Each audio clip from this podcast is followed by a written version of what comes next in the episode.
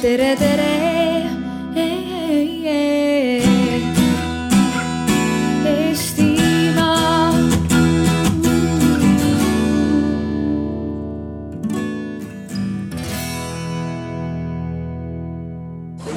No nii, tervist, kell on tegelikult juba kuus ja, ja võiksime alustada enda järgmise. no ütleme, et Eesti kaks tuhat kolmkümmend viis kõlab ju piisavalt futuristlikuna, aga, aga seda on puhkudel vähe. ehk siis äh, läheme aastasse kaks tuhat viiskümmend kolm ilmselgelt äh, me tihtipeale ei pruugi isegi ette kujutada, et missugune see kolmekümne viies aasta ette näeb, aga, aga täna meil on siin sihuke tore ekspertide paneel, äh, kellel on kindlasti vähemalt mingit sortigi äh, visioon või siis lihtsalt hullumeelsed mõtted selle kohta, et äh, kuhu me selleks ajaks jõuame mina olen Ivo Visak, mina töötan sellises kohas nagu Velvet produtsendina ja Estia koolitustes siis koolitajana. minu paremal käel istub Hendrik Attago kes on äh, Riigikantselei strateegiabüroo juht. temast paremal istub Eesti Vabariigi president Kersti Kaljulaid. temast paremal istub OECD vanemnõunik Annika Uudelepp ja last but not least Praxise juht Tarmo Jüristo. ehk siis äh, nende inimestega me täna sellel teemal vestleme ja esimesed tund aega sellest vestlusest on äh, küllaltki tugevalt seotud just nimelt sellega, et äh, mida see paneel asjast arvab. Äh, selleks, et publik saaks kaasa mõelda, on tegelikult meil olemas selline koht nagu worksup.com kus saate vastata siis erinevatele küsimustele, mis selle teemaga seotud on. ehk siis, kui te lähete sinna kohale ja kirjutate sellesse event ID lahtrisse aasta kaks tuhat viiskümmend kolm, siis teil tegelikult peaks juba olema esimene küsimus ees. ehk siis äh, ma ei hakka praegu spoil ima, mis see küsimus on, minge kohale, vaadake ära ja olge head, kindlasti minge kohale, sellepärast et ma tahan, et siis, kui me oleme siin nüüd kakskümmend või kakskümmend viis minutit rääkinud, et siia ilmuksid ikka sihukesed korralikud protsentide ähm, tulbad ja me saaksime kõik panelistidena selle kohta mingisuguse kommentaari öelda. igatahes mis me siis nüüd tegema hakkame? esimese sammuna äh, me teeme seda, et ma annan kõikidele panelistidele kolm minutit, et tutvustada enda visiooni või nägemust sellesse, missugune Eesti aastal kaks tuhat viiskümmend kolm välja näeb. ja selleks, et äh, me oleks, suhtuksime siin äh, kõikidesse võrdselt, siis taaskord Äh, minu parema käe istujal sai see luksus, et tema saab ilmselt hästi paljusid asju esimesena teha. ehk siis palun, Hendrik Attago. aitäh, tere õhtust kõigile. Äh, tulenevalt oma ametipositsioonist pean ma iga päev vastama vähemalt kahele küsimusele. üks on see, kui kaua see valitsus kestab ja teine on see, et mis on Eesti pikaajaline visioon. et mõlemal juhul tegelikult see vastus on nagu tulistamine pimedusse et äh, ma võiks vastata mida iganes, sellepärast et äh, see on äh, kindlasti üsna ebatäpne ja ma ei taba seda sihtmärki mitte kuidagi. Aga kui ma mõtlen selle peale, milline see Eesti kaks tuhat kolmkümmend või kaks tuhat viiskümmend kolm võiks olla või, või mis siin riigis nagu üldse võiks toimuda, siis äh, enda sisse vaadates esimene mõte, mis pähe tuli, oli see, et äh, me oleme seni seda riiki ehitanud nagu head maja aga nüüd oleks aeg tegelikult äh, teha see koduks ja suhtuda oma riiki kui iseenda kodusse ja, ja sellest lähtuvalt ka seda arendada, kasvatada. kui ma nüüd panen siia juurde kõik need trendid, mis siin äh, globaalsel tasandil meie ümber äh, arenevad ja, ja, ja meie riigi sellised arenguvajadused või probleemid, mis on suured probleemid meil äh,, siis äh, jõuame selle osani, kus võibki hakata nii-öelda fantaseerima ja, ja mõtlema, et mis siis kaks tuhat viiskümmend kolm teisiti on. no inimese tasemelt äh, ma arvan, et kõige olulisem on jääda iseendaks, selleks inimlikuks inimeseks, et äh, kui vaatame, kui kiiresti tehnoloogia areneb äh,, öeldakse, et äh, tulevikus on arvutusvõimsus kolmkümmend tuhat korda suurem, kui see on täna ja nii edasi. et äh, siis äh, tegelikult äh, see on suur probleem või väljakutse inimesele. et kui me hästi palju tehnikat kasutame suhtlemiseks ka omavahel ja nii edasi, et siis ju tegelikult me kaotame need elementaarsed suhtlusoskused enda vahel, me ei suuda kontakti luua, meil võib-olla ei ole enam sellist kriitikameelt, nagu on täna noh, teiseks ma arvan, et paljud asjad on sellised noh nagu keskkond, eks, et äh, me peame hoidma oma sellist ümbritsevat keskkonda, eks, et äh, kaks tuhat viiskümmend kolm see Eesti see ma arvan, et meil võiks olla umbes midagi sellist nagu täna on, et me oleme endiselt selline ilus roheline oaas, kus on tegelikult loodus ja majandushuvid küllaltki hästi tasakaalustatud võrreldes paljude teiste riikidega no kui nüüd päris pilvedesse minna, siis võib ju ütelda seda, et Eesti on kaks tuhat, Eestil, Eestil on kaks tuhat viiskümmend kolm äh, palju suurem territoorium, kui see on täna, sellepärast et me oleme mitu tehissaart rajanud äh, Liivi lahte ja, ja Suurde väina ja nii edasi. ja, ja me oleme sinna viinud ka kõik need äh, riigiasutused, mida me täna siis oleme tahtnud õudselt välja viia. noh, tegelikult ma arvan, et realistlikum on see, et me võiksime püüda seda, et Eesti oleks regionaalselt tasakaalustatumalt arenenud ükskõik, mis Eesti piirkonnas inimene elab, oleks tal siin hea elada, tal oleks turvaline elada, ta tunneks ennast nagu kodus ja, ja ta külalised oleksid äh, sellised nagu, nagu selle inimese väärtusruum on. et äh, mis ma kokkuvõtteks võin ütelda, ütlengi, et see kaks tuhat viiskümmend kolm on piisavalt pikk siht selleks, et me võime rääkida mida iganes, tõenäoliselt midagi sealt on õiget, tõenäoliselt sealt me midagi arvame, et Äh, paisutame nii-öelda suuremaks, kui see tegelikult on. aga äh, me kindlasti jõuame sinna ja ma olen seitsekümmend üks, siis loodan, et olen kõbus vaimselt ja füüsiliselt ja ma arvan, et selleks ajaks ehk on leiutatud see seerum, mis vananemist pidurdab ja, ja ma olen siis piisavalt jõukas, et ma jõuaks seda ka osta. aitäh. aitäh. Noh, mina muidugi olen nii palju vanem ja targem juba, et mina ei taha sellist seerumit, et mul on äh, ka lapselapsed ja ma tahan, et ka neil oleks selle maakera peal ruumi, sest ma nagunii arvan, et umbes kümme miljardit võib äh, selleks ajaks olla maakeral elanikke ja ja mis puudutab äh, seda, kuidas me kõik globaalselt toime tuleme, sest muidugi on väga tore, kui sul on üks hästi hubane maja, aga sa ikka pead vaatama aknast välja, mis seal ümberringi toimub, et ma arvan, et sellel ajal me nuputame peaasjalikult selle üle, et kas need sammud, mida me oleme astunud, on olnud piisavad selleks, et kliima muutumine peatada.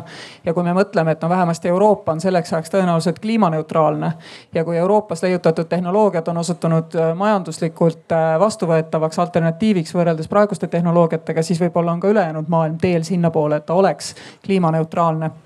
aga sellegipoolest ei ole meie kliima rahunenud ja me juurdleme selle üle, et kas, kas me oleme selle tasakaalu nihutanud paigast ära nii, et uus tasakaalupunkt võib sõltumata meie pingutustest ikkagi tekkida juba sinna, mis ei ole homo sapiensile just eh, või vähemalt mitte nii arvukale liigile vastuvõetav?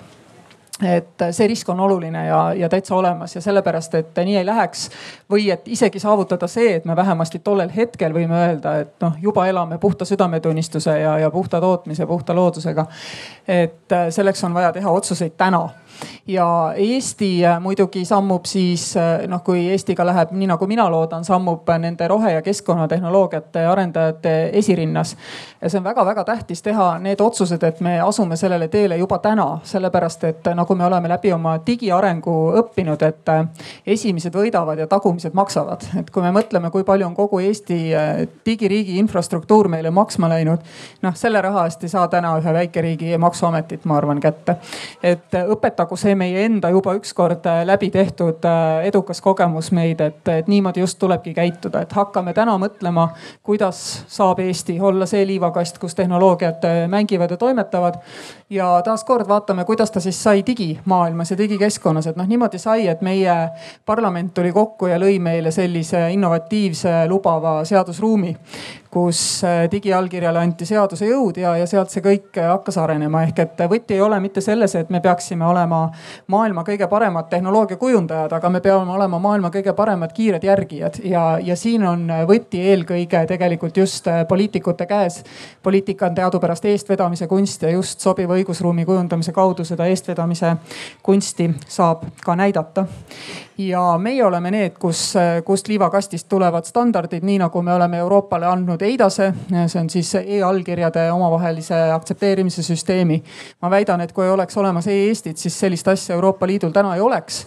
ja ma tahan, et aastaks kaks tuhat viiskümmend kolm võime me sedasama väita puhaste tehnoloogiate osas. muidugi on uus tehnoloogia ära kaotanud paljude töökohad, sellised nagu me neid täna tunneme. aga kui jälle vaadata ajalugu, siis iga uus tehnoloogiline pööre on alati loonud uued töökohad ja loonud neid rohkem. ja kui ma siin võiksin nõustuda eelkõnelejaga, siis jah, ka mina arvan, et, et me ei puutu tööd tehes inimestega liiga palju kokku, ka teenuseid tarbides ei puutu inimestega liiga palju kokku. ja meie kõigi töö ongi olla inimene teiste inimeste jaoks ja vaat seda me peamegi äh, rõhutama ka koolides ja haridus, haridust andes, et ükskõik millisel tehnoloogilisel baasil. aga meie kitsa spetsialiseerumine, nutika spetsialiseerumine edaspidi on see, et me spetsialiseerume olema kaastundlik inimene teiste inimeste suhtes. ja taaskord on siin Euroopal kui maailmajaol tegelikult konkurentsieelis, sest et see on kõige hoolivam maailmajagu äh, äh, kogu maailmas vaat nii, ma arvan, et Eestis on ilus elada, kaks tuhat viiskümmend kolm, sa ütlesid oaas, ma loodan, et ka ümberringi on piisavalt kena, et seda sõna ei peaks kasutama. aitäh, Annika Uudelõpp. tere õhtust, ma uurin parasjagu öösel trepile saabunud paki sisu, milles olid herbaariumi tegemise uusimad vahendid, mille sain seitsmekümne viie aastaseks juubeliks.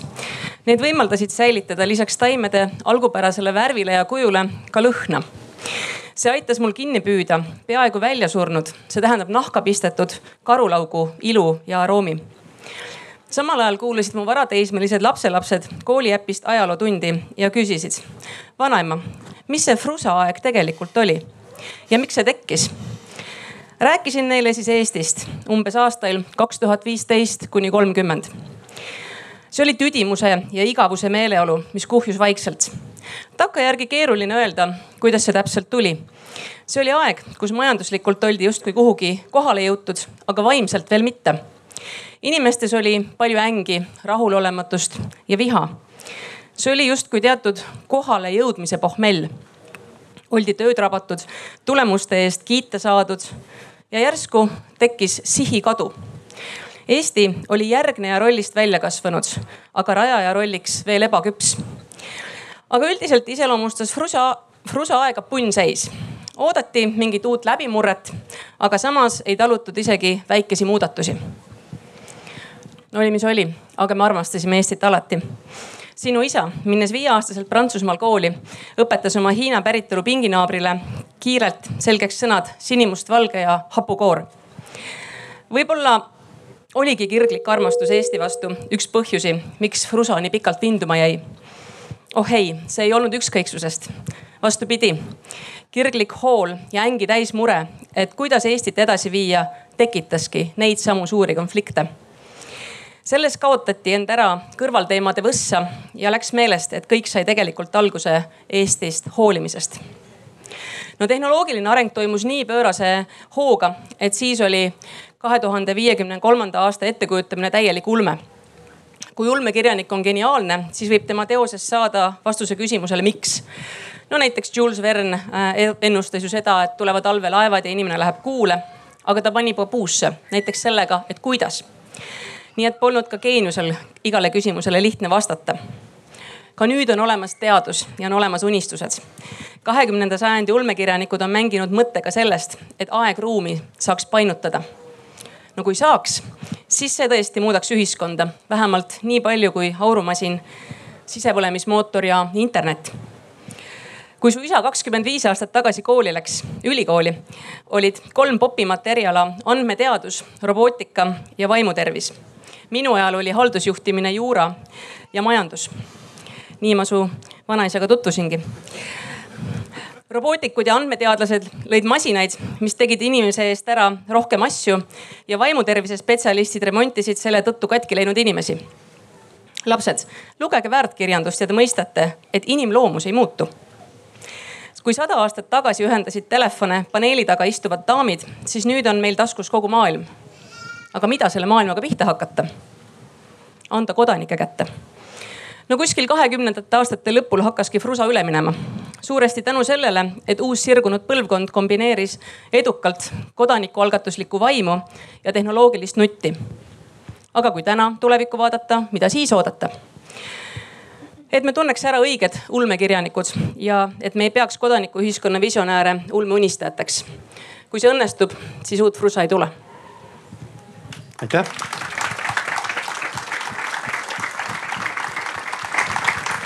Tarmo Jüristo tere minu poolt ka, kõigepealt tore näha nii palju vanu tuttavaid ja loodetavasti sama palju uusi äh, sellelt aastalt siis.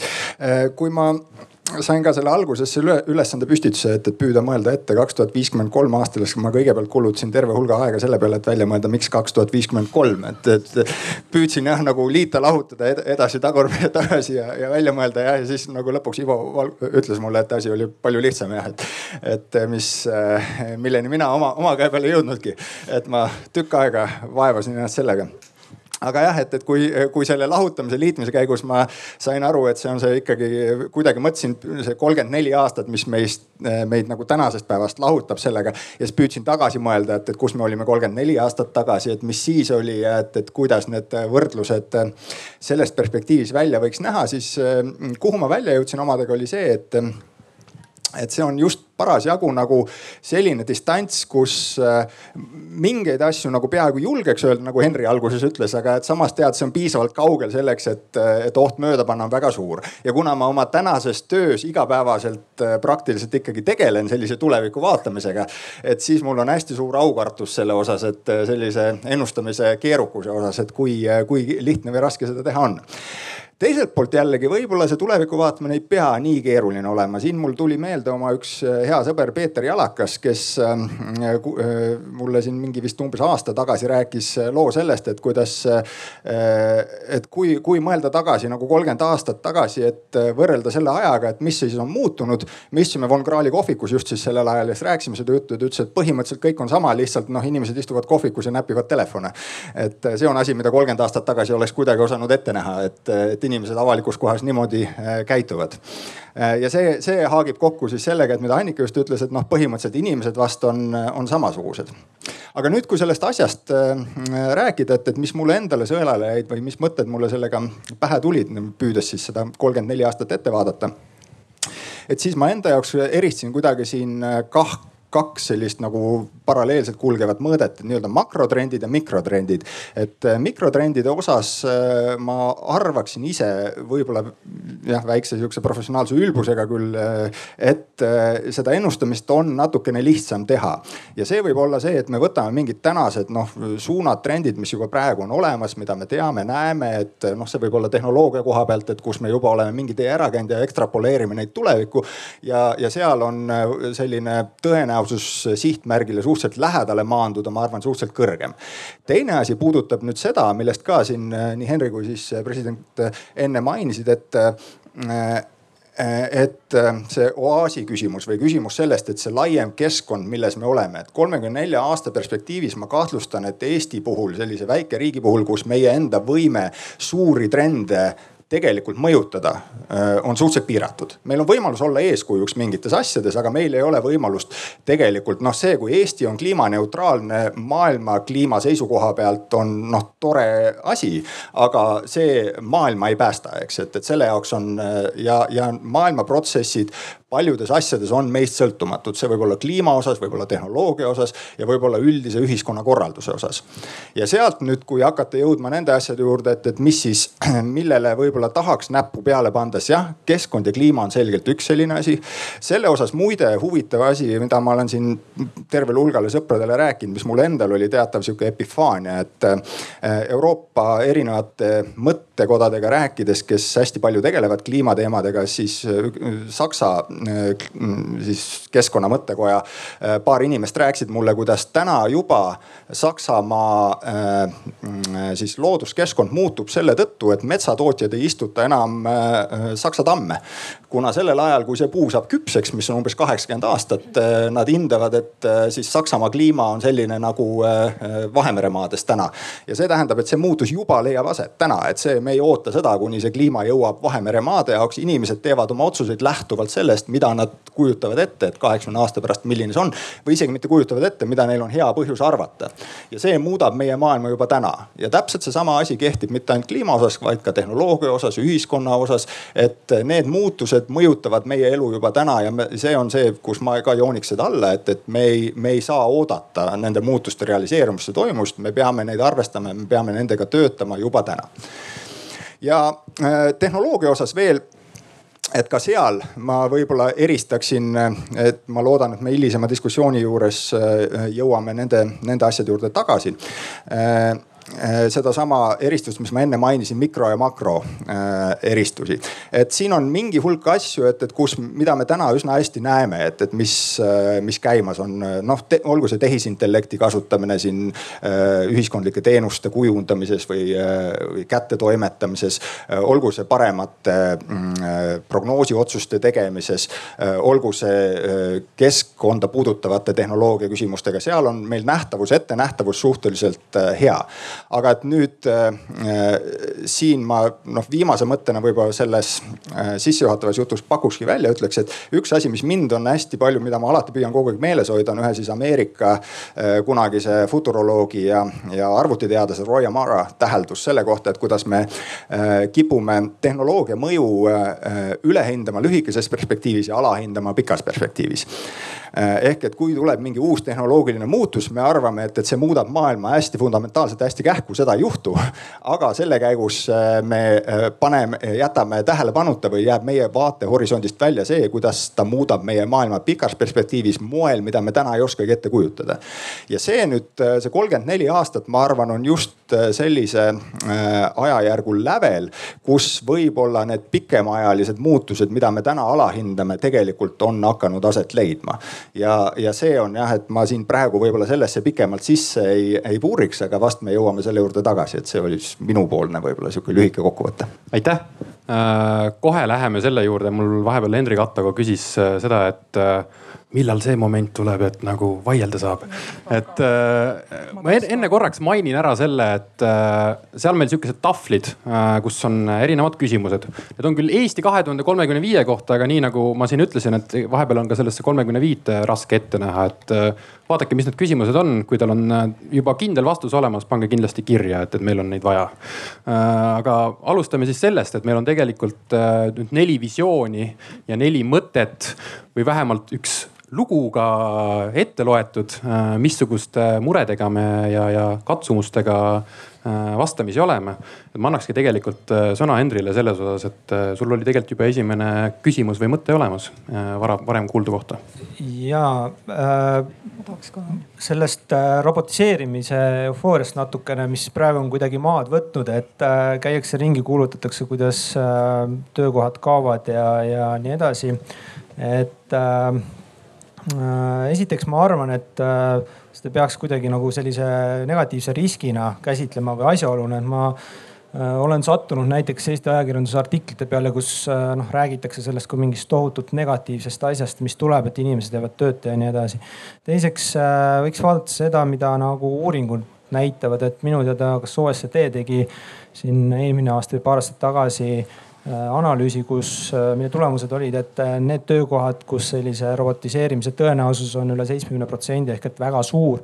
et neid OECD lõikes, riikide lõikes keskmiselt on ainult neliteist protsenti ja Eesti puhul oli see näitaja veel madalam, kaksteist protsenti, eks, et see tähendab seda, et meil läheb ikkagi päris palju aega selleni, et me saaksime rääkida sellisest väga suurest ja äkilisest muutusest tööturul, eks ja, ja, ja mis sellist äh, veel nagu sellist tehnoloogia arengut puudutab, siis äh, äh noh, seesamane, mida nagu Tarmo ka rääkis, et kui me vaatame nagu kolmkümmend neli aastat tagasi ja mõtleme, mis meil nagu täna on sellest ajast alles, et noh, on palju näiteks autosid, mis täna on kasutusel, eks, ja me nimetame neid, äh, kuidas neid nimetatakse, uusklassikuteks jah. et äh, selleks, et me saaks rääkida sellest, et meil on isejuhtivad autod, mis sõidavad elektri pealt, nii edasi, nii edasi, selleks tegelikult on vaja sellist suuremat katkestust või mingisugust Äh, konsensus, suurt poliitilist otsust, noh kujutame ette, et kaks tuhat kolmkümmend viis näiteks Euroopa Liit võtab vastu otsuse, et sisepõlemismootoriga autosid ei tohi enam kasutada või, või ei tohigi toota, eks. et äh, ainult selliste, selliste otsuste najal me jõuame tegelikult sinna, et aasta kaks tuhat viiskümmend kolm äh, on meil ainult elektriautod ja kõik on isejuhtivad, eks. et muidu see progress on palju sellise laugema kõveraga, mis siis, et tehnoloogiline progress on eksponentsiaalne jah, palun ei, ma olen ka täiesti kindel, et uued tehnoloogiad on alati loonud uusi töökohti kõrgema lisandväärtusega, mugavamaid ja mõnusamaid ja nii on see ka edaspidi ja ma arvan, et mitte sisepõlemismootoriga autosid ei, autod ei lõpeta, vaid juhiga autod kaovad ära, et, et, et aga ma tegelikult vaielda tahtsin hoopis Tarmoga. et sina ütlesid, et on, on täiesti kindel, et Eestist ei sõltu see, kas maailma kliima, noh, ütleme kliimamuutused pidurduvad või ei pidurdu. ma kategooriliselt vaidlen vastu, sest et noh, ütleme kõik need, kes on õppinud reaalteadusi, teavad, mis on katalüsaator katalüsaator. on miski oluline mõjur, mida kindlasti ei pea olema palju. ja nii nagu äh, ma märkasin, et sa noogutasid, et äh, Euroopa Liit ei oleks ilmselt nii, ütleme digitaalne avalik sektor tervikuna, kui Eesti ei oleks oma eksperimentidega ees läinud. siis täpselt samamoodi võib juhtuda kliima ja keskkonnatehnoloogiatega, aga sellel võib olla märksa olulisem mõju, kui me täna arvame, sellepärast et vaadake, kuna me ei tea, kui lähedal või kaugel me oleme sellest pöördumatust punktist, kus enam ei ole võimalik kliimamuutusi niimoodi peatada, et see noh, meile planeet elatavaks jääks. siis võib-olla see kümme või kakskümmend aastat, mis meie liivakasti edu võib säästa kogu maailma jaoks. Euroopa jaoks eelkõige, aga seejärel kogu maailma jaoks võib just nimelt olla kriitilise tähtsusega. tegelikult me seda ei tea. nii et mitte kunagi ei tohi iseenda rolli alahinnata, et võib-olla on see Lennarti vaim, mis meil Kadriorus lehvib aeg-ajalt, aga aga minu meelest kõigist tema raamatutest tuleb välja, et eestlane on eriline rahvas ja missiooniga rahvas ja täitsa vabalt võib olla, et see ongi meie missioon, et, et me olemegi loodud selleks, et, et jääks, et päästa meie planeeti. me tegelikult ei tea, et see nii ei ole ma, ma kohe annan Annikale sõna. Tarmo, kas sa tahaksid vastata? ei, ega selle koha lihtsalt ilmselt ma ei suutnud piisavalt äh, selge oma väljenduses olla, et, et äh, mu mõte oli tegelikult, äh, ma püüdsingi öelda ka, et Eestil kindlasti võib olla osa selles, et me saame olla eeskujuks ja, ja saame olla noh katalüsaatoriks selles mõttes. minu mõte oli see, et kui ainuüksi Eesti on süsinikuneutraalne või Eesti on kliimaneutraalne, siis see ei päästa maailma, aga jah, selles suhtes selle, selle mõttega loomulikult täiesti nõus ja sellele on ka mitte ainult Eesti puhul, vaid ka mujalt maailmas maailmast näiteid, et, et kuidas väikesed muutused või väikesed algatused võivad kaasa tuua väga suuri muutusi. Annika ma nopiksin üles selle inimese äh, ja hoolivuse ja inimlikkuse teema, mis, äh, mis läbi käis, et äh, mulle tundub, et tellerite ja kassapidajate töö kaotamisega ei ole häda. Need inimesed leiavad töö ja, ja midagi ei lähe katki. aga katkiminek võib tulla teise koha pealt, et ei ole enam neid inimesi, kes inimesega tööd teevad. Need on äh, hoolekandetöötajaid, õed, ka õpetajad, terapeudid, ähm, mm, sotsiaaltöötajad. Neid läheb meil järjest rohkem vaja. ma arvan, et tehnoloogia tõttu läheb meil ka neid rohkem vaja mingil määral. Äh, tekivad täiesti uut tüüpi vaimse tervise probleemid, millega me täna alles äh, noh, kuskilt noh kombime sellist esimesi signaale. aga, aga vot seda tööd ei anna automatiseerida, tööd inimesega ja ma arvan, et see on nüüd üks asi, mille peale me peaksime nüüd kohe mõtlema sellepärast, et kui vaadata kasvõi statistikat, kui vanad on Eesti õpetajad, kes oskavad eesti keeles õpetada ja kui suure hooga tuleb peale võõrkeelset äh, õpitarkvara ja, ja igasuguseid äh, masintõlke võimalusi, siis äh, kui me midagi siin ei tee, siis võib juhtuda niimoodi, et need pensionärid, kes täna veel koolis õpetavad, neid saavad asendatud arvutite poolt ja siis on juba ohus Eesti kool. et, et tegelikult tööinimesega on see, mille üle ma arvan, tuleb mõelda nüüd ja kohe ja palju rohkem. aitäh, nii on kellelgi veel äh, seoses äh, väikeste kõnedega mõtteid, jah, palun. Et ma olen selles Annikaga täiesti nõus, et just nimelt, et äh, meie hakkamegi olema üksteisele inimesed, see ongi meie töö tulevikus ja, aga see juhin tähelepanu, et kõik see, millest me räägime, eeldab maru head haridust. maru head haridust ja, ja ka suutlikkust nagu maailmas tekkivaid äh, tehnilisi innovatsioone mingil määral ette näha, et arvestada nendega nii seadusloomes kui suuta neid kiiresti üle võtta ja kohaldada. ja see kõik tähendab, et me vajame maru head teadust ka veel lisaks maru heale haridusele. nii, oli sul veel mingi mõte? Ei, ma soovisin pigem nagu nõustuda sellega, mida Annika ütles, et ka noh, analüüsid, uuringud näitavad ju seda, et terve rida selliseid äh, ametikohti või töökohti, mis on inimese vahetuse äh, suhtlusega seotud, et need säilivad ilusti, eks, aga kui veel lisada, siis lihtsalt seda, et ega see tehnoloogiline areng või tehnoloogia iseenesest, et äh, ma arvan, et seda peaks käsitlema või mõtestama, et tehnoloogia on vahend, eks. ja, ja tehnoloogia peaks tegelikult alati inimese suhtes jääma tahaplaanile ja, ja see empaatia, millest me räägime või sellest empaatia defitsiidist, äh, mida selline tehnoloogiline protsess endaga kaasa toob, et. Äh, et see on ikkagi äh, noh, inimese enda lahendada, et ta saab seda tehnoloogiaga luua, seda empaatiat, aga saab ka lõhkuda. ja tegelikult lihtsalt me tervemõistuslikult peame seda ise suutma reguleerida oma ühiskonnas aitäh tegelikult see on väga hea koht, kus tegelikult nüüd vaadata seda esimest äh, publiku küsimust. kas me saaksime selle äkki sinna ekraani peale? Küsimus oli siis järgmine. kas pidev ja kiire tehnoloogia areng on teinud sind õnnelikumaks? ja A tähendas jah, kindlasti. B ei üldse mitte, C ei seda ega teist ja D õnnelik olemine ei ole tehnoloogiast kuidagi sõltuv ja see, mis sai äh, kõige rohkem protsente, on D ehk siis kuuskümmend neli protsenti arvab, et tegelikult õnn ja tehnoloogia, need ei ole ei õed ega vennad. ehk siis äh, kas selles osas on äh, panelistidel enda kommentaare või mõtteid või, või läheme edasi sellega?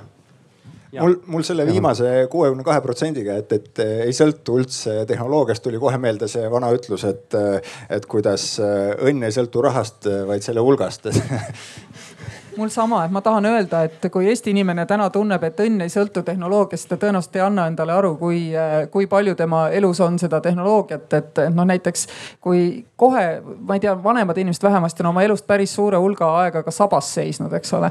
ja noh, ütleme Eesti inimene täna seisab oluliselt vähem sabas tänu tehnoloogiale, eriti kui tal oma riigiga mõni asi on ajada ja tegelikult see on üks närvi ajavamaid asju on, ma ei tea, seista tulumaksudeklaratsiooniga neli tundi maksuametis järjekorras selleks, et saaks veel vähe sellest maksud makstud on ju.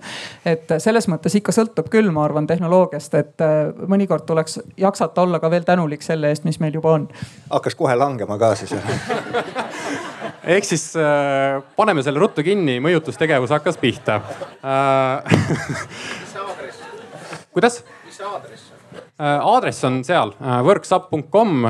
kui te panete selle event ID aasta kaks tuhat viiskümmend kolm sisse, siis te saate sealt nendele küsimustele vastata tegelikult äh, ma panekski nüüd hea meelega teise küsimuse sinna üles äh, õige pea, olge head, vaadake siis sinna, andke, andke natukene äkki kümme sekundit aega.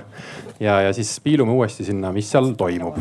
igatahes läheme nüüd äh, järgmise küsimuse juurde see tegelikult on nüüd sihuke juba avatud, avatud küsimus meil ja see kõlab järgmiselt. kas pidevad uuendused ja tehnoloogiad aitavad suurendada meie ühiskonna ühtsust ja te teenuste ligipääsu ning heaolu või hoopis vastupidi. ehk siis äh, kas kõik see, mis äh, meie tehnoloogia meile võimaldab, äh, kas see tegelikult nii-öelda ka jõuab selleni, et need teenuste ligipääs on parem? ja kas sellega võrdub ka mingisugune heaolu kasv?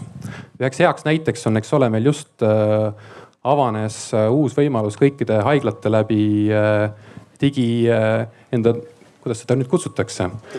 digiregistratuuriga siis kõikide haiglatega, et, et kas see tegelikult meie järjekordi nii-öelda vähendab? aga ma annaksin selle küsimuse teile arutamiseks, kas kellelgi on selles osas äh, mingeid mõtteid?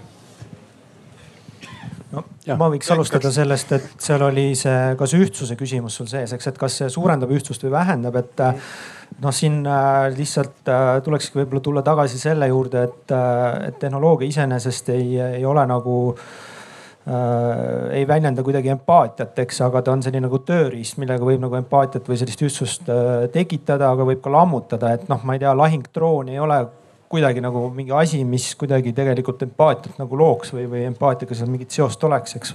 välja arvatud see, et nende droonioperaatorid traumajärgse stressi üle kurdavad aga samas, äh, kui me vaatame mingit, ma ei tea, näiteks kogukonna neid Facebooki gruppe ja nii edasi, et äh, need diskussioonid, mis seal peetakse või kui sellel grupil on nagu ühisosa, eks, et noh, siis see tehnoloogia tegelikult äh, toetab sellist ühtsuse sündi. nüüd see osa, mis puudutab neid avalikke teenuseid, et no mina olen küll nagu seda meelt, et ma tegelikult ei taha riigiga nagu suhelda, et kodanikuna, et ja, ja noh, selles mõttes see tähendab seda, et, tegelikult see tehnoloogiline progress võiks meid vinna, viia nagu sinnani, et et, et see tehnoloogia nii-öelda kuidagi taamal toimetab äh, nende avalike teenustega nii samuti ja, ja mul oleks see elu lihtsalt sihuke sujuv ja mugav ja nii edasi, et. et noh, need on tegelikult need sündmusteenused ka, millest täna on nagu juba rääkima hakatud ja mida MKM on äh, hakanud arendama, et äh, noh näiteks, et kui sul laps sünnib, et siis sa ei pea seda lapsetoetust või, või kuidagi ise nagu registreerima minema või taotlema seda lapsetoetust nii edasi, et noh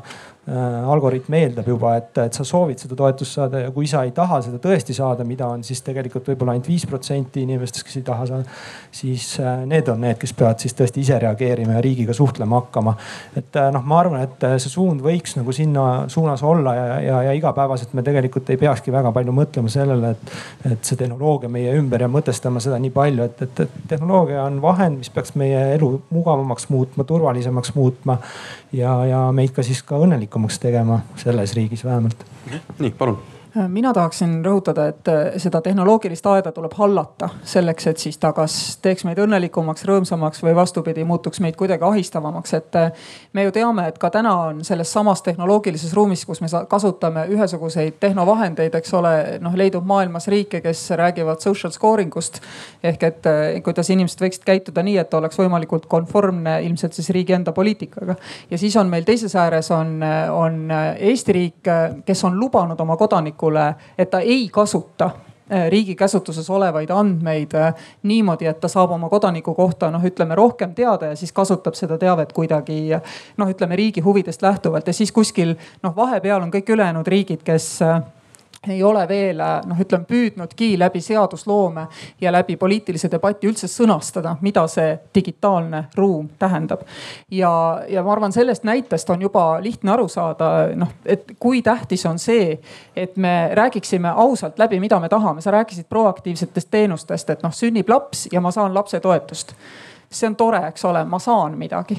Aga meil on ka noh, pilootprojektina olemas teenus, kus äh, nukralt koju norutama jäänud äh, noor, kes ei tööta, õpi ega midagi, saab riigi poolt pakkumise, et me osutame talle abi ja need on nüüd kardinaalselt erinevad äh, teenused, eks ole, mõlemaid eksisteerib, meil on üksi elava pensionäri toetust, vaevalt on ühelgi üksi elaval pensionäril mingit probleemigi sellega, et ta sai vähe rohkem raha, isegi kui ta sellest teenusest midagi ei teadnud. aga mõni inimene võib-olla ei taha, et riik pakub talle tuge ja abi, eks ole, kui ta tahab rahulikult üksi kodus norutada. ja me peamegi need probleemid läbi rääkima, kuidas inimene ja riik iga üksiku kodaniku ja elaniku puhul saavutavad selle kokkuleppe et inimene tunneb, et riik on teda tõesti sellise mõnusa proaktiivse teenuste võrguga ümbritsenud aga ei ole ahistanud tema privaatset ruumi. ja see on diskussioon, mis meil ees seisab ja tuleb tegelikult ära pidada, nii nagu me oleme ausalt äh, oma kodanikele selles esimeses digiriigi versioonis lubanud, et me nende andmeid nuhkimiseks ei kasuta palun. ma haaraksin kohe sõnasabast kinni, sellepärast et üks teema, kus just seesamane identiteet, turvalisus, mitte nuhkimine väga tugevalt tuleb päevakorda, on meditsiin sest noh, Eesti on ja jääb väikseks, et noh, täna ma kasutan väga palju Prantsusmaal, meie pere kasutab tervishoiuteenuseid ja ma näen vahet. spetsialiseerumine on lihtsalt kolossaalselt erinev. Eestis ei saagi olla sellist spetsialiseerumist, sest meil ei ole nii palju patsiente, neil ei ole nii palju arste aga miks näiteks ei või olla niimoodi, et kui ma nüüd oma, noh nüüd me oleme aastal, eks ole, et kaks tuhat viiskümmend kolm, nagu me teame. et näiteks murran oma käeluu ära seitsmekümne viie aastasena ikka juhtub, kukun ja libisen ja, ja luud on ka hõredamad juba. et, et siis äh, teen skänneriga endal käest pildi ja, ja kahekümne minuti pärast on mul äh, radioloogi vastus olemas. võib-olla kirjutab seda seekord keegi India radioloog. ja siis ma lähen sinna kohalikku Kadrina esmaabipunkti, kus mul need kaks luuotsa kokku pannakse ja lahas peale ja minuga on kõik hästi et äh, jah, seda turvat teavet tuleb turvata, aga ma arvan, et on terve hulk äh, inimese jaoks hädavajalikke teenuseid, äh, mida avalik sektor täna kui me siin Eestis sees mõtleme, ei suudagi veel äh, ette kujutada, on see, et need on piiriülesed, et need on asjad, mis, kus tegelikult sul teenuse tarbija ja teenuse osutaja võivad olla maailma eri punktides. ja see on täiesti normaalne, sest Eestis ei saa olema kunagi nii palju radiolooge, kes näiteks õhtul kell kaksteist töötavad ja ma saan selle pildi, ma saan neli päeva hiljem selle pildi võib-olla, kui kõik on puhkuselt tagasi tulnud. nii et selline mõte aitäh. Ähm, jah, ma võtaksin ka kinni, see Kersti Kaljuvald puudutas hästi tähtsat asja, millest äh, on, äh, millest sa oled varem ka nagu korduvalt juttu teinud rääkinud, seesama andmete äh, kasutamine, juurdepääs ja, ja kuna ma sellega ka jällegi oma igapäevases töös jooksvalt kogu aeg kokku puutun andmetes kaevamisega ja et mida, mida sealt on võimalik kätte saada ja mida meil on nii-öelda lubatud sealt kätte saada. siis mul on selles suhtes endal väga tugevad isiklikud tunded ka selle, selle valdkonna suhtes aga jah, laiemalt ma arvan, et see on tegelikult tõepoolest üks hästi hoolikat lähenemist ja täpset lähenemist vajav valdkond, sellepärast et ainuüksi see, et, et kui Eesti riik ütleb, et me ei puudu oma kodanike andmeid, ei tähenda, et meie kodanike andmeid ei puudutaks. et see leiab aset praegu moel, mis on A suhteliselt lõdvalt reguleeritud ja B sellisel moel, mis ei luba neid andmeid kasutada tegelikult ühiseks hüvanguks. tohin teha kohe ühe täpsustuse, sa räägid andmetest, mis ei ole kaitstud meie ID-kaardi infrastruktuuri poolt, et ma lihtsalt arvan, et see on äärmiselt oluline. kõik need andmed, mis teil on väljaspool seda süsteemi, jah, seal on sul õigus. jah, et see, see äh, ID-kaardi andmed on jah, need on, need on teine klass aga ma korraks võtaks, vaataks laiema pildiga sellega, et, et need andmed, mis meil on tõepoolest siis täna X-tees või ID-kaardiga äh, äh, seotud andmetest, on osalt paralleelsed nende andmetega, et mis meie kohta on, on kättesaadav erainfo pakkujatelt. ja see ei ole ka omaette nagu selline küsimus, et ma tahaks kuidagi demoniseerida siin ja öelda, et noh, Facebook ja Google ja et, et nad teevad nagu koledaid asju. meie, meie info on paljudes, paljudes kohtades meie kohta see informatsioon, mis liigub ja seda moel või teisel kasutatakse. üks asi, mida me praegu Praxises püüame ette võtta, on see, et, et võtta ja vaadata sisse, siis Eestis on e-koolis on ju eks kaks suurt pakkujat, on äh, Stuudium ja e-kool. ja seal on äh, siis olemas põhimõtteliselt nagu valdava enamuse Eesti koolilaste kohta äh, andmekogu, mis ulatub kümme aastat tagasi ja käsitleb nagu nende õpiedukust, käitumist, kooli jõudmist, tundidest puudumist, seda saab liigendada nagu noh, väga-väga detailselt. ja see on suurepärane andmekogu, mille baasilt on võimalik teha väga olulisi ennustusi, väga olulisi sissevaateid sellesse, et milline meil on hariduse seisukord. sellest oleks võimalik teha asju, noh minu mõte on kohe see, et, et kui me saaksime seda ristata, seda andmebaasi äh, maksuameti andmebaasiga, me saame sinna kohe võtta juurde äh, leibkondade sotsiaalmajandusliku tausta. selle äh, ja selle pealt oleks meil võimalik teha nagu väga-väga huvitavaid asju, aga nüüd tuleb sisse see külg jälle, millele Kersti Kaljulaid enne viitas, et, et äh, me hakkame jõudma ebamugavalt lähedale sellele ühe mainimata jäänud suure riigi äh, tavale social scoring ust. et, äh, et see on, see on, ma ilmselt ei üllata siin kedagi, kui ma ütlen, et tehnoloogia rakendamine ühiskonna hüvanguks on selline kahe teraga mõõk. et, et sellel on omad äh, väga mm, äh, murelikuks tegevad küljed ja see on see, kus ma omalt poolt veel korra noh, nagu annaks oma, tõstaks oma käe sama, sama sõnumi juures, et see, me peame sellega tegelema, me peame selle, selle peale hakkama mõtlema täna, kuidas äh, see probleemide pundar lahendada. sest see on asi, et, et mis väga palju mõjutab meie elu aastal kaks tuhat viiskümmend kolm ja me peame sellega juba täna tegelema. ma korra, korraks äh, segan vahele äh, lähtuvalt just sellest samast, et kui me tõepoolest räägime sellest, et kuidas riik nii-öelda neid andmeid kasutab, teiselt poolt see, et äh, kuidas rahvusvahelised korporatsioonid võib-olla puhkudel nii-öelda sarnaselt võivad etendada seda suurt venda, kes tegelikult omab sinu kohta päris palju informatsiooni. siis tõepoolest Euroopa Liidu tasandil on proovitud selles osas juba midagi ette võtta. kas selles osas peaks ka midagi Eesti taaskord olema teenäitaja või midagi taolist just tulevikku silmas pidades ja me mõtleme ju kaugemale kui teised, et teised ikkagi mõtlevad äh, integreerimata andmeid, eks ju, et nad mõtlevad lihtsalt seda, et noh, keegi kuskil, kellel ei ole vaja teada saada, et mul on, ma ei tea, rinnavähi risk, eks ole, siis ta tõstab mu kindlustusmakset, nad mõtlevad selles kategoorias. see, millest nagu Tarmo siin räägib, et see on nüüd kõikide erinevate noh andmekogude integreerimine. kui need andmed on nagu ütleme isikustamata või, või isikud on sealt juurest ära võetud, siis noh, on ilmne ja loogiline, et me saame neid kasutades noh teha õigeid otsuseid otsuseid, eks ole. põhimõtteliselt on meil kindlasti täna olemas eh, noh võime näiteks ennustada tööpuuduse muutumist mõnes Eesti piirkonnas, see ei ole üldse keeruline, eks ole. ja kui sa ei lähe vaatama konkreetse isiku andmeid, eks ju, ühekaupa, et ahah, näed, et ta kolmandas klassis sai teistest neli korda rohkem märkusi, aga täna on väga edukas startup'er ja tegema sellest nagu konkreetseid järeldusi indiviidi piires, eks ole, et senikaua on tegelikult kõik hästi. aga need lubadused tulebki noh riigil kodanikele anda, kuidas ta neid andmeid täpselt kasutab ja tuleb ka öelda, et tõepoolest on andme, on, on valdkondi, kuhu ühegi riigi käsi ulatuma ei hakka, eks ole, me elame erinevates ühiskondlikes formatsioonides, ettevõtted on globaalsed. iga riik saab siiski võtta vastutuse selle eest, mida tema teeb, mis andmeid tema kogub ja näidata oma kodanikule, kuidas ta suudab seda kahte erinevat noh digimaailma tegelikult eristada. et see on äärmiselt tähtis ja muidugi tulevad siin ka üle-euroopalised ja ma loodan, et veelgi suuremad kokkulepped. aga taaskord need kokkulepped ei saa kunagi olema olema globaalsed, sest meie ühiskondlikud formatsioonid on erinevad. Ma tahtsin korra seda mm, andmete teemat natuke siis privaatsuse nurgast ka avada, et, et tegelikult äh, ma pean tõenäoliseks seda või, või, või küllaltki selliseks äh, ja et see sündmus võib juhtuda mingisuguse juba viieteist aasta perspektiivis, et äh, me tegelikult äh, satume sellise valiku ette, kus me tõesti peame nagu päriselt ka otsustama seda, et kui palju oma andmeid me jagame, kellega me jagame ja kas me üldse neid jagame või me loobume mingitest sellistest teenustest, mis meie mingisuguseid andmeid koguvad või.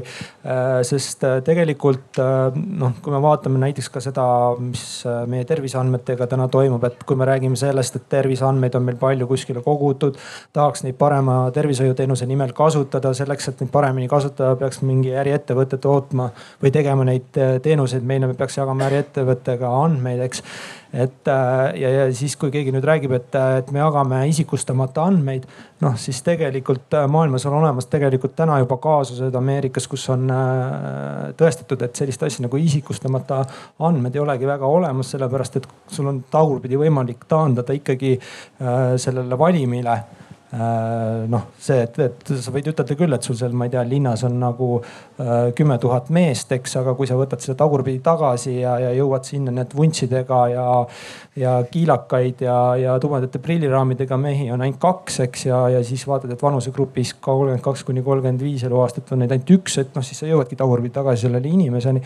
noh, kogu see süsteem toimib selle pealt tegelikult, et ei ole sellist pahatahtlikkust, et senikaua kuni siis pahatahtlikkust ei ole, senikaua me võime nagu rahulikult võimalikud olla, eks, aga kui see peaks perspektiivis muutuma, siis meil tasuks muretseda ja, ja kui me paneme siia kõrvale selle trendi, et äh, arvutusvõimsus, andmeanalüüsi võimsus järjest kasvab iga aastaga märkimisväärselt, siis see tegelikult tähendab ka seda, et äh, jälgimisvõimekus kasvab äh, ja, ja nii edasi, et kõik see negatiivne pool, et, et see, see tuleb ju ka kaasa. ma ei taha hirmutada, eks, aga, aga ma lihtsalt sellel vorstil on alati nagu kaks otsa no mina ikkagi tahaks alati näha pigem nagu võimalusi, et me kaldume väga sinna nagu probleemi nägemise, nägemisse, nägemisse ära, et äh, ma olen nõus, et. Äh, et kui sa, muidugi sa demoniseerisid mingil põhjusel nagu eraettevõtted oleksid need, kes nagu pigem kasutavad inimeste andmeid kuidagi kurjasti, et üldiselt maailmas elu on näidanud, et pigem on need mittedemokraatlikud riigid, kes oma inimeste andmeid kurjasti kasutavad, et.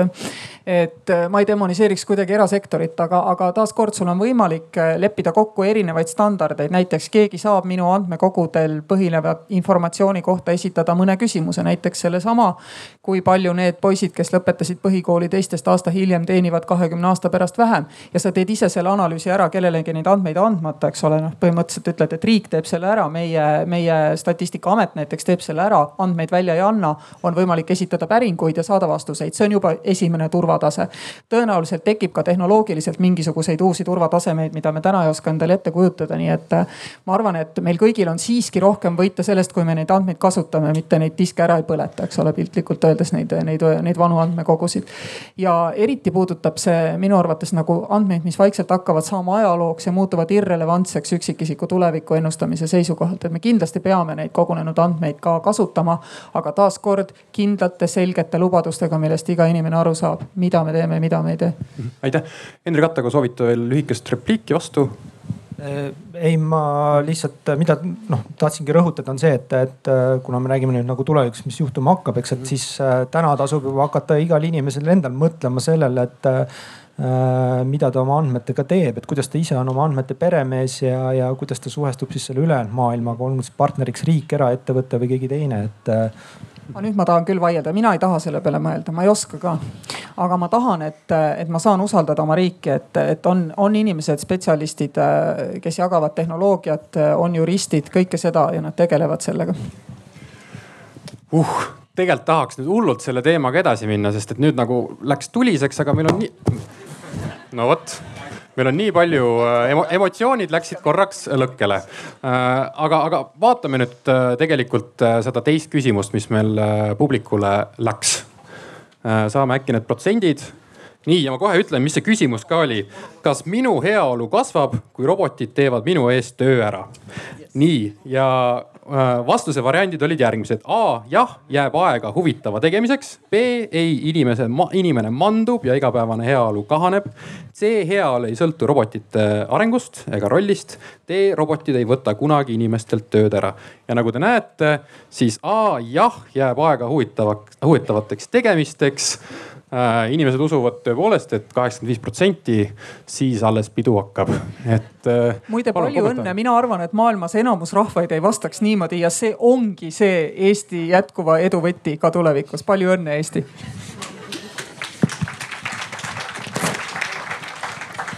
igatahes äh, läheme enda teise küsimuse juurde äh,, mille puhul ma ootan sellist äh, äh suuremat aruteluringi ja teine küsimus äh, kõlab järgmisena Ähm,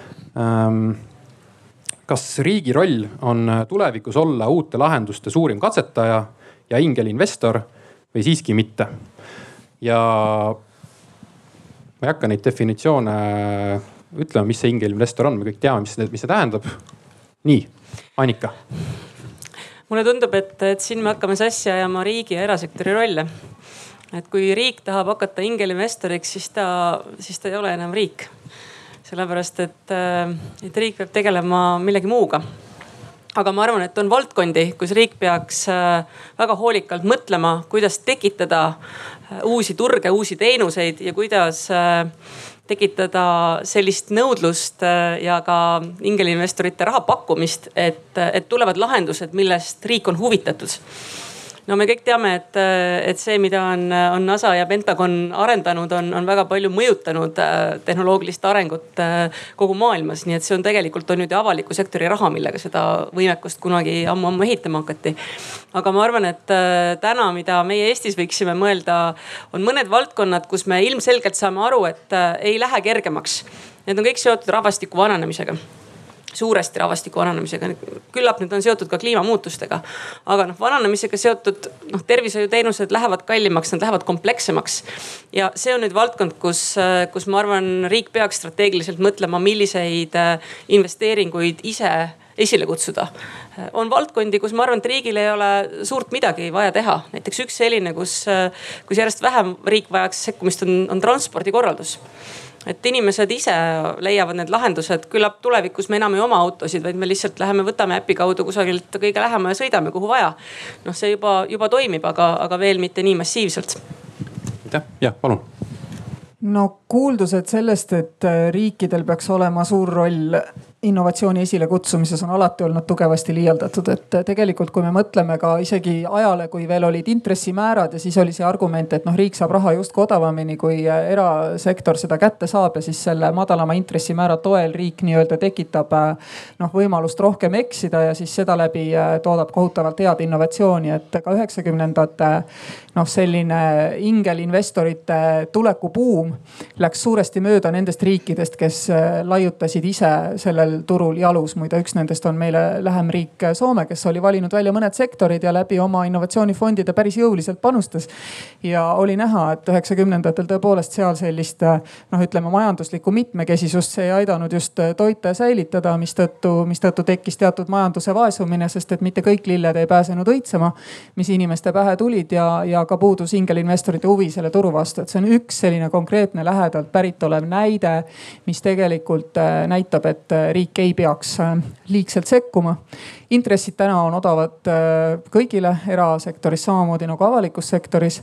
ja mis veelgi enam, kui me tänase tehnoloogia arengut vaatame, siis vähemalt, mis puudutab nüüd vaba demokraatlikku maailma, siis vähem kui iial varem toimub seda innovatsiooni avaliku sektori veetuna ja toetatuna, et et eraettevõtetel ja era, erasektoris on suurtel ettevõtetel väga palju raha investeerida noh, ütleme kasvõi tehisintellekti arengusse ja erinevalt kahekümnendast sajandist, kus tõepoolest nagu NASA nii, nii rahastas, kontrollis kui ka teadis, mis toimub innovatsiooniväljal, siis täna demokraatlikus maailmas see vähemasti nii ei ole.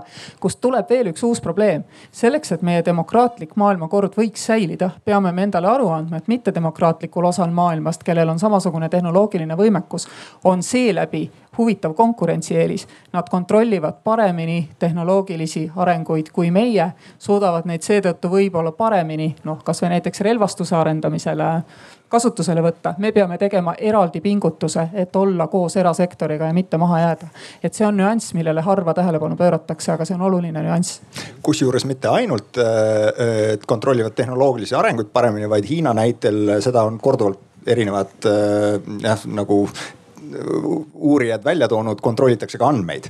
et, et mis võimendab seda, äh, seda efekti veel. aga et siin ma mm, võib-olla tulen tagasi, et võib-olla ikkagi Ivo oleks olnud alguses hea see äh, äh ingelinvestori asi lahti seletada, et seda võib mitut moodi mõelda. see on see roosade tiibadega asi, mis poetab pilvedelt raha, see on see asi. et, et kui, kui rääkida raha pakkumise poolest, siis siin ma olen täiesti nõus jah, et täna, täna on intressid nullis, raha, äh, kapitalile ligipääs lihtsam kui kunagi varem ja et see ei ole asi, et, et kus tegelikult riigil oleks äh, suurt põhjust äh, sekkuda või äh, ma kahtlustan ka, et, et seal riigi sekkumisel tagajärjed on pigem nagu küsitavad ja, ja, ja negatiivsed kui head. aga mulle tundub, et riigil siiski võib olla oluline roll noh, näiteks nagu ka Eesti puhul on olnud infrastruktuuri arendajana sellise asjana, et, et teha selliseid mõistlikke investeeringuid, mis võimaldavad järgmisi samme ja, või siis võimendavad neid järgmisi samme. ja, ja see on ähm, jällegi võib-olla siin ka maailmas on terve hulk erinevaid näiteid, noh Soome näide juba oli, äh, oli olemas. Äh, teine selline äh, riik ja majandus, mis on väga aktiivselt ise panustanud innovatsiooni ja nii-öelda ka teinud selliseid keskseid valikuid, on Korea, Lõuna-Korea. kus on ka terve hulk probleeme sellega seotud, kui me räägime nüüd sellest mittedemokraatliku maailma poolest, siis Hiina on see, kes hästi palju panustab tehnoloogiasse, tehisintellekti ja, ja seal on, mm, sellel on omad varjuküljed, omad miinused, aga teiselt poolt just ka nagu Kersti Kaljulaid mainis, et, et see on, neil on äh, olulised eelised, mille, mille osas meie peame omakorda jällegi võib-olla siis nagu mingites osades palju-palju rohkem pingutama. nii et ma kahtlustan, et riigil oma roll siin on, aga mitte selles mõttes just nagu, et konkureerida äh, investorina äh, seal, et. Hendrik Otko ja et äh, mul ei ole midagi selle vastu, kui äh, riik käituks äh, selles kontekstis eestvedajana, sellise teadmise jagajana ja nii edasi et äh, kapitali kättesaadavust ma ei räägi, ma olen nõus sellega, mida eelkõnelejad ütlesid, aga mul ei oleks midagi näiteks selle vastu, kui kaks tuhat nelikümmend näiteks ei peaks perearsti juurde enam minema, vaid me saaks seda perearsti visiiti teha augmenteeritud reaalsuse kaudu või virtuaalse reaalsuse kaudu ja, ja selleks, et sinna jõuda, on tõenäoline, et tegelikult riik peab olema sellise esimese sammu astuja, et nõus, aga see, kuidas riik neid samme astub, on alati äh, kolmnurgas. Haridus, teadus, seadusruum ja otsast peale. Haridus, teadus, seadusruum ja mitte see, et äh, maksame, maksame ja maksame, et see on oluline, oluline erisus. sellest ma olen kahtlemata nõus, sest äh, nagu ka uuring on näidanud, siis meie tehnoloogiarikkas keskkonnas hakkama saamine on, on natuke kehvem kui paljudel teistel riikidel ja, ja me peame kindlasti haridusse ja, ja infrastruktuuri panustama, et tulevikuks paremini valmis olla ja nende tehnoloogiliseks arenguks. Annika, palun ja tahtsingi öelda, et ega riigi roll ei ole ju selles mõttes muutumus. et on ikkagi õigusruum, aga ongi vahe, et kas see riik pidurdab seda või võimendab seda, kas ta võimaldab või, või kuidagi kärbib. nii et see, see ongi see, mis Eestit on siiamaani eristanud ja loodetavasti jääb eristama ka tulevikus. nii, Tarmo Jüristo ma hetke kõhklesin, et kas ma, kas ma tahan selle tee otsa korraks ette võtta, aga ma ikkagi praegu võtan selle, et, et selles, selles mõttes, et ähm, võttes kinni just sellest samast, mida Annika ütles, et riigi roll ei ole muutumas, et äh, siis äh, ma võib-olla jällegi püüaksin siin teha selle eristuse, et öelda, et, et see natukene sõltub, mida me täpselt, kui kitsalt või laialt me vaatame riigi rolli ja kui pikka perspektiivi me käsitleme. ja et kui, siin ma mõtlesin ka korraks, et kui me räägime aastast kaks tuhat viiskümmend kolm, siis see võib-olla on veel natukene liiga vara selleks ennustuseks, aga minu sisetunne on küll see, et tegelikult riigi roll on tehnoloogiaga seoses muutumas. et äh, see, see, milline on riik täna ei, äh, ei ole tingimata seesama, milline saab olema riik aastal kaks tuhat viiskümmend kolm. ja siin me lähme natukene nüüd sellise abstraktsema ja, ja, ja suurema, kaugema nende, vaat nende samade makrotrendide juurde, mida ma enne rääkisin. et kui me räägime tehnoloogiast natukene sellises nagu astudes äh, tagasi meie tänasest päevast, et saada veidikene suuremat vaadet, et siis öelda, et näiteks see maailm, kus me elame, võtame rahvusriigid iseenesest see, mil, mis kontekstis me elame, on väga olulisel moel seotud ühe sellise sellise äh, tehnoloogiaga, mis siis hakkas levima, ähm, mis see oligi siis kuueteistkümnenda, seitsmeteistkümnenda sajandi Saksamaal, trükitehnoloogia. et äh, see, et sai võimalikuks massikommunikatsioon, said võimalikuks ajalehed, said võimalikuks selline nagu jagatud ühine inforuum. see oli see, mis tegi ka võimalikuks rahvus, rahvusriikide tekke ja sealt veel ütleks, et see ei ole isegi nagu rahvusriigide tehnoloogiline moodustus, see on teatud laadi solidaarsus, mis sai võimalikuks läbi tehnoloogia. ja nüüd see meie tänane tehnoloogiline muutus, mille keskel me elame, ühelt poolt väga selgelt lõhub seda olemasolevat solidaarsust, mis meil on ja sellest võiks omakorda hästi pikalt rääkida. aga teiselt poolt tekitab uut laadi solidaarsusi ja see on see, miks ma võib-olla selle võtaks kokku, et ütlen, et ma arvan, et tegelikult tehnoloogial siiski on mõju sellele, milline saab tulevikuriik olema mm. -hmm. ja, ja, ja see oli, seda ma ei väitnudki, ma, kas mu mikrofon töötab? Ma väitsin seda selle eelmise küsimuse kontekstis, et, et kas riik peaks ingelinvestor olema. Äh, selle kohta ma arvan endiselt ei, aga, aga see on täiesti äge ja uus arutelu, et mis on riigi roll aastal kaks tuhat viiskümmend kolm ja seda võiks järgmine aasta siin pidada. aga ma arvan, et üks asi, mis väga fundamentaalselt muutub, on riigi ja kodaniku suhe ja paljusid asju, mida täna korraldab riik, korraldavad siis kodanikud ise koostöös äh, tehnoloogiliste lahendustega, mida võib-olla mõned neist kodanikest ise loovad. arvestades, et äh, pärast äh, mõningaid aastaid on, on programmeerimisoskus täiesti uus kirjaoskus et äh, ma olen ka täitsa nõus sellega, et äh, riigi roll läbi tehnoloogia muutub küll ja väga kiiresti juba meile täna arusaadaval moel, mis võib-olla ei ole see, mis kaks tuhat viiskümmend kolm on elementaarne, aga meile täna arusaadaval moel kaotab geograafia tähendust, mis tähendab, et kui kogu sada aastat heaoluriikide arengut äh, on käinud umbes nii, et sul on tööaadress ja koduaadress, vastavalt ühele maksad makse, vastavalt teisele saad teenused, siis täna võib ju üks inimene töötada kümnes riigis korraga, eks ole, ja elada noh, suhteliselt juhuslikult, kus iganes iganes. ja võib-olla ma ootan tulevikus hoopis, et riik on mulle selline turvaline dokk, kes on minuga sõlminud selle kokkuleppe, et ma saan mulle vajalikud avalikud teenused suvalises maailmapunktis. mu laps saab õppida eestikeelses internetikoolis, kui ma mingil põhjusel tahan, et ta õpiks eestikeelses. ma saan tervishoiuteenuse kätte, ma saan mis iganes muu teenuse, mida sellel hetkel peetakse avalikuks teenuseks kätte, mis iganes maailmapunktis, kuid toetatuna selle riigi mudelist, kellele ma olen otsustanud mingil põhjusel makse maksta. see võib olla kodakondsus, aga võib-olla see on hoopis mingi tulevikus mingi muu alus. ja ma arvan, et siin on see meie e-residentsus tegelikult üks, üks selline asi, mis võib meile jälle anda ühe globaalse sellise edu niidiotsa kätte. aga ma saan aru, et ma räägin liiga ja. palju, mistõttu visatakse mind sellest paneelist nüüd kohe välja. tegelikult, tegelikult kohe kindlasti ei viska välja. me, me, me, me laename antud hetkel presidendi minuteid siin ühelt teiselt paneelilt ja lihtsalt selle tarbeks, et me saaksime ikkagi presidendilt ka äh, viimase mõtte kokku, siis me lähemegi äh, viimase küsimuse juurde. Äh, ja tegelikult see on väga lihtne väga lihtne on see, et ma tahaksin kuulda kõikidelt panelistidelt ühte lahendust või eesmärki aastaks kaks tuhat viiskümmend kolm. mis peab olema tehtud, Eestis saavutatud, et endiselt eksisteeriks meie riik. ja eksisteeriks selline riik, mis oleks edukas ja hea koht elamiseks ja palun, president, annan teile sõna see tegelikult on juba Eestis täna saavutatud. Eesti on maailmas ainulaadne riik, kes vaatab äh, tuleviku horisonti ja vastavalt kohaldub oma läbi oma seadusruumi teist sellist riiki ei ole ja kui me mõtleme ja võrdleme, kus Eesti edu on, siis see muide ei ole näiteks selles, et me oleme tohutult tehnoloogiamahukad noh, tehnoloogiamahuka majandusega riik. vastupidi, robotiseerunud riikides keskmiselt on seitsekümmend kaks robotit kümne tuhande töötaja kohta, meil on üksteist. ehk et kõik see, mida me oleme teinud teisiti, on kusagil mujal ja see on olnud just nimelt nutikas seadusloome. ja Eesti on neetult nutika seadusloomega riik ja ta jääb selleks ka edaspidi. aga taaskord seesama haridus ja teadus on minu jaoks ka kolm kolmnurga olulised punktid. kui me seal täna mööda paneme, siis äh, maksab see meile jube valusalt kätte, sest me lihtsalt enam ei saa aru, kuhu poole nutikas olla, aga me tahame ju edasi olla. et äh, head arutelu jätku, et ma lähen nüüd räägin lähemalt äh, spetsialiseerunumalt kliimaküsimused. me juba siin nägime loosungeid, et kliimaküsimuses tuleb rääkida tõtt. ma arvan jah, et tõe rääkimisest see lahenduse otsimine ka algab. et aitäh kõikidele ja kohtumiseni. aitäh. Teised panelistid kohe kindlasti antud hetkel veel vabastatud pole.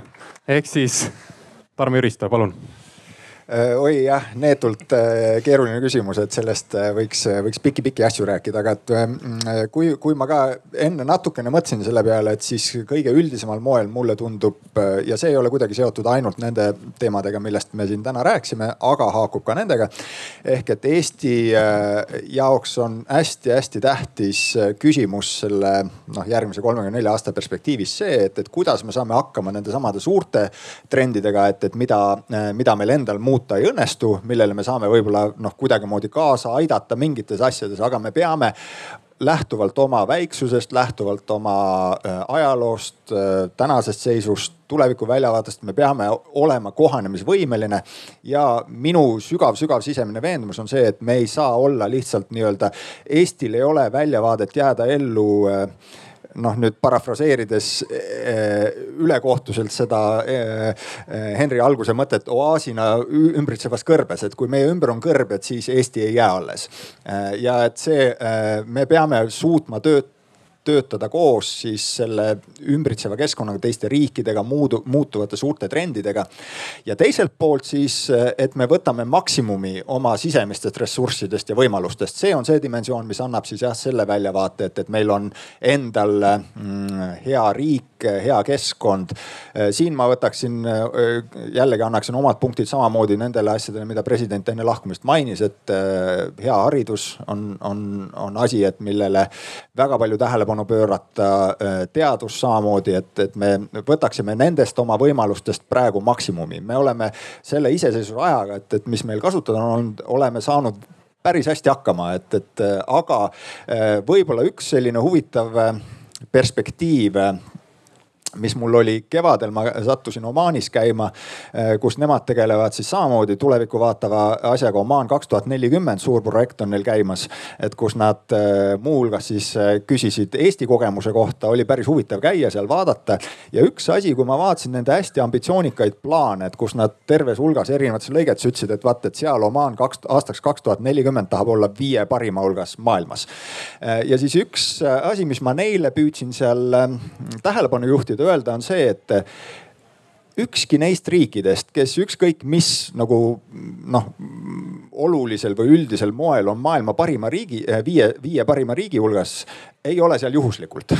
et eh, need riigid kõik on näinud palju vaeva selleks, et sinna jõuda ja võib olla täiesti kindel, et nad näevad väga palju vaeva, et hoida seda kohta seal. ja see äh, nagu tagant tulles hooga jõuda nende esimese viie hulka on väga-väga-väga raske ülesanne äh,. Need olid enamalt jaolt sellised nagu elukvaliteedi mõõdikud, milles nad püüdsid, Omaan püüdis jõuda siis nende esimese viie hulka. ja siis see on see on asi, mis pani mind mõtlema selle peale, et, et kui me Eestiga oleme mingites asjades asjades äh, sellisel heal äh, äh, positsioonil, siis meil on terve rodu neid teisi ühiskondi ja riike selja taga, kes tahavad jõuda samasse kohta või meist ettepoole. ehk et see tähendab pidevat pingutamist selle nimel, et seda kohta hoida, et seda keskkonda hoida. ja see on võib-olla siis jah, see, see noh asi, et mida ma tahaksin alla joonida, öelda, et selleks, et me oleksime ka tulevikus selline võrreldes muu maailmaga hea koht olla, et see nõuab pidevat pingutust ja see nõuab pingutust juba täna. nii, Annika Udla. ja selle Omaani peale ma mõtlesin, et ähm, tõsi, et, et need kaks aastat elades Pariisis on äh, minu jaoks tõstnud täiesti teise kategooriasse sellised väärtused nagu puhas õhk ja vähe inimesi ümberringi et need on ikka selline luksus, mida ma naudin iga sekund, kui ma Eestis olen. nii et, ähm, et hinna, hindame seda. aga, aga see minu soov või, või, või mõte äh, Eesti tuleviku jaoks ähm, on, on samas stiilis nagu presidentki ütles, on kantud kohanemisvõimest. noh, tegelikult tarvinismi teame, ellu jäävad need, kes suudavad kohaneda. aga ma lähenen sellele teise nurga alt, see on õppimine. et kui seda unistuse keelde panna, siis äh, mulle meeldiks, kui kui mõnekümne aasta pärast oleks Eesti selline riik, kus, kus päriselt iga täiskasvanu inimene investeerib ühe tööpäeva nädalas äh, enese täiendamisele. ja see on täiesti normaalne ja seda ei pea kuidagi sundima. ja see toimubki niimoodi, et, et kui me istuksime siin aastal kaks tuhat viiskümmend kolm, siis minul oleks võib-olla kolm uut mikrokraadi äh, mookide või mille iganes abil saadud ja, ja see, see jätkuks. Nii et äh, ja samas ma oleks ka õpetaja äh,, jumal teab, mis asjades. et, et tegelikult see kohanemisvõime läbi tarkuse kasutamise ja ümberõppe on see, mida meil on hirmsasti vaja, ükskõik milliseid trende me siin ka vaatame ja ma arvan, et eestlased võiks sellega tegelikult hakkama saada, sest me, me hirmsasti usume ju tarkusesse, haridusse. nii, aitäh! Äh, ma panen lõpetuseks kaks jalga vastu maad nüüd. Äh, ja et Eesti oleks kaks tuhat kakskümmend viis, kolmkümmend viis või viiskümmend kolm, et äh, number üks, ma arvan, et julgeolek, et meil peab olema see riik alles territoriaalses mõttes kasvõi eks ja, ja julgeolek kõigis oma aspektides, on see siis sõjaline kaitse, on see meie hea lobitöö piiri taga või, või mis iganes sidus ühiskond, eks äh,. siis ma olen nõus kindlasti sellega, mida Annika mainis ka, see keskkond meie ümber, eks, et äh, meil sellest territooriumist ainult ei piisa, et meil on vaja, et see keskkond meie ümber oleks elamiskõlblik ja me saaksime siin toimetada ja, ja kolmandaks ma arvan, et see rahvas, kes siin elab, et äh, Eesti püsimajäämiseks on Eesti rahvas hädavajalik ja, ja, ja sinna suunas me peame minema. ja rahvas on siin riigis siis, kui meie majandusel läheb hästi, et äh, mul ei oleks midagi selle vastu, kui kaks tuhat viiskümmend kolm oleks Eesti skp kahekordne võrreldes sellega, mis ta täna on või, või veelgi suurem. nii et äh, selliseks, selliseks see riik võiks äh, kujuneda meile mõnusaks koduks. aitäh, igatahes nüüd me. kolm protsenti aastas. no nii igatahes, äh, mida ma tahaksin nüüd öelda, on see, et me tõmbame nüüd ühele osale joone alla ja ma ütlen seda, et meie panelistid on igatahes ära teeninud ühe korraliku aplausi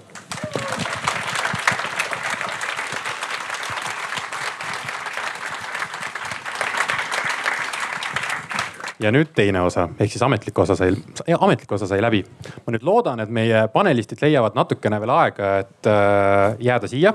valijatega suhtlema või kindlasti mitte valijatega suhtlema, vaid äh, jääda siia selle tarbeks, et äh, publikuga jääda vestlema just sellel teemal äh,, kuhu äh, ja millised just nimelt need lahendused peaksid olema kuhu me peaksime selle riigiga aastaks kaks tuhat viiskümmend kolm olema jõudnud. ehk siis meil, mul on siin abis ka tegelikult äh, hulgim äh, riigikantselei töötajaid. riigikantselei töötajad, kes mul abis on, võiksid korraks käe üles tõsta rahandusministeeriumi. rahandusministeeriumi töötajad ka, Ott on seal, Kristi on ka seal kuskil ehk siis äh, olge head äh,. jagame teid tegelikult siin natukene gruppidesse ära. Ott võiks minna no. sinna telki, võtta sealt ühe poole endale.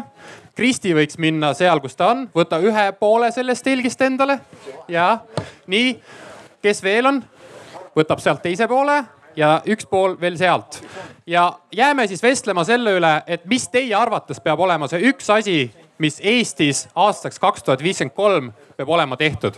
nii ja need, kes teist veel viieteist minuti pärast siin on, eks me siis kuuleme, aitäh